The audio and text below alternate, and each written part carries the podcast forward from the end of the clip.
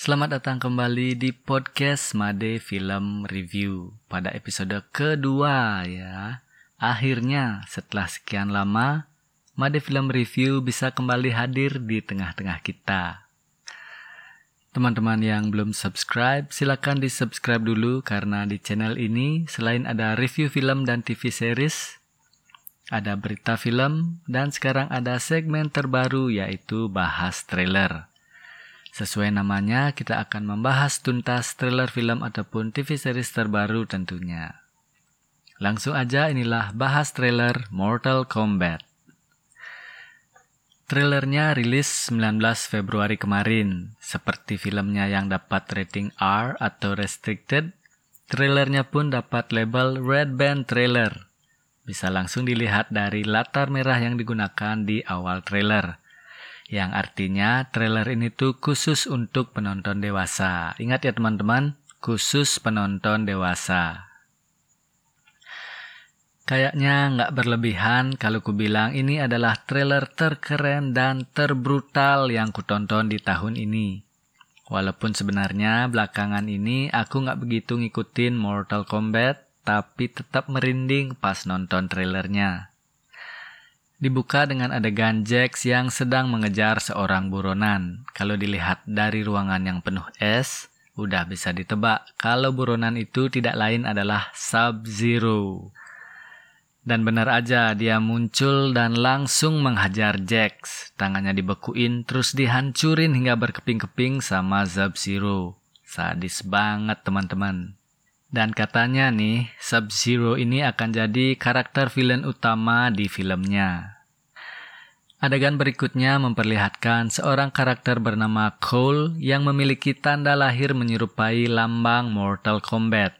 Dan Jack ngasih tahu kalau itu tuh bukan tanda lahir biasa. Tapi Cole terpilih untuk ikut turnamen maut Mortal Kombat diiringi dengan sedikit penjelasan tentang Mortal Kombat. Jadi bagi yang belum pernah main gamenya atau nonton filmnya bisa mendapat sedikit informasi tentang apa itu Mortal Kombat. Di filmnya yang dulu itu, kalau aku nggak salah ingat, yang jadi petarung utama dari timnya Lord Raiden itu kan Liu Kang ya. Nah, kalau di film ini nanti, kemungkinan si Cole ini yang jadi petarung utamanya. Siapakah sosok Cole yang ini sebenarnya? Pas dia lagi bercermin itu, dia kayak lihat sosok Hanzo. Apakah mereka ada hubungan? Keluarganya mungkin? Mungkin ada dari teman-teman yang tahu informasinya bisa di-share di kolom komentar ya. Ada penampakan outworld juga dan untuk menampilkan kesan realistis, adegan itu di-shoot langsung di sebuah area penambangan di Australia, teman-teman. Kemudian sekilas terlihat dari kejauhan Seng Sang dan Lord Raiden yang saling berhadapan. Apakah akan terjadi duel di sana? Kayaknya sih enggak ya. Apalagi ini baru film pertama. Paling mereka sekedar berbincang-bincang aja. Kalau di sequelnya nanti kemungkinan mereka akan berduel. Ya, kita lihat aja nanti. Nah, berikutnya ada Hanzo Hasashi melawan beberapa orang.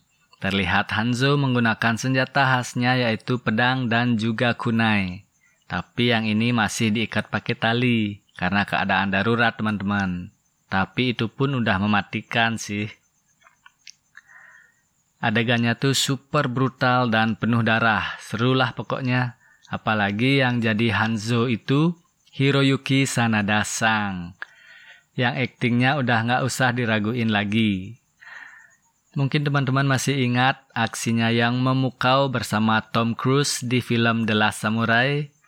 Nah, kayaknya beliau ini emang paling pas untuk meranin Hanzo Hasashi. Oh ya, di filmnya nanti juga akan ada kisah lahirnya Scorpion, karakter legendaris di game Mortal Kombat. Kemudian ada perkenalan singkat beberapa karakter seperti Sonya, Keno, Liu Kang, Jax, Kung Lao, dan Lord Raiden.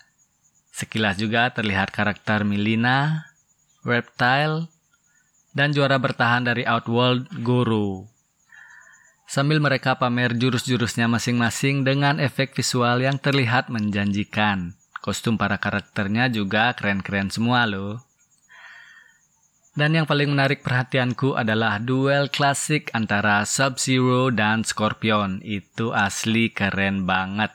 Koreografi fightingnya juga kencang banget. Terus ada momen di mana darah yang muncrat dibekuin terus dijadiin senjata loh sama Sub-Zero. Sadis. Dan juga ada aktor kebanggaan kita semua Joe Taslim di balik topeng Sub-Zero.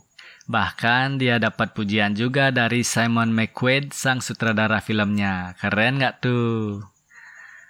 Ada ikonik momennya Scorpion di mana dia menarik musuhnya sambil bilang, Get over here! Nggak cuma kata-kata yang wajib ada, tapi itu adalah bagian dari adegannya. Ditambah iringan musik khasnya Mortal Kombat yang benar-benar bikin bergidik nontonnya. Kalau teman-teman perhatiin di awal, pas logo Warner Bros. dan New Line Cinema-nya muncul, ada efek api dan juga es. Tebakanku di film ini akan banyak nampilin perseteruan antara Scorpion dan Sub-Zero. Dan akhirnya trailernya ditutup dengan Fatality. Finish him! Wow. Apakah filmnya akan menjadi film terepik tahun ini? Semoga film Mortal Kombat kali ini nggak sekedar ngasih fight yang brutal aja, tapi juga menghadirkan sesuatu yang menarik dari segi cerita. Kita nantikan aja kehadirannya di bioskop dan juga di HBO Max nanti 16 April 2021. Demikian aja bahas trailer kali ini. Semoga teman-teman suka dengan pembahasannya.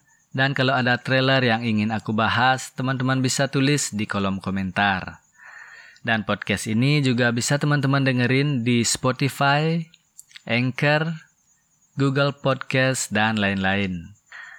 Oh ya, untuk episode berikutnya aku akan mereview sebuah film animasi Mortal Kombat. Makanya buruan subscribe dan klik loncengnya agar teman-teman nggak ketinggalan episodenya.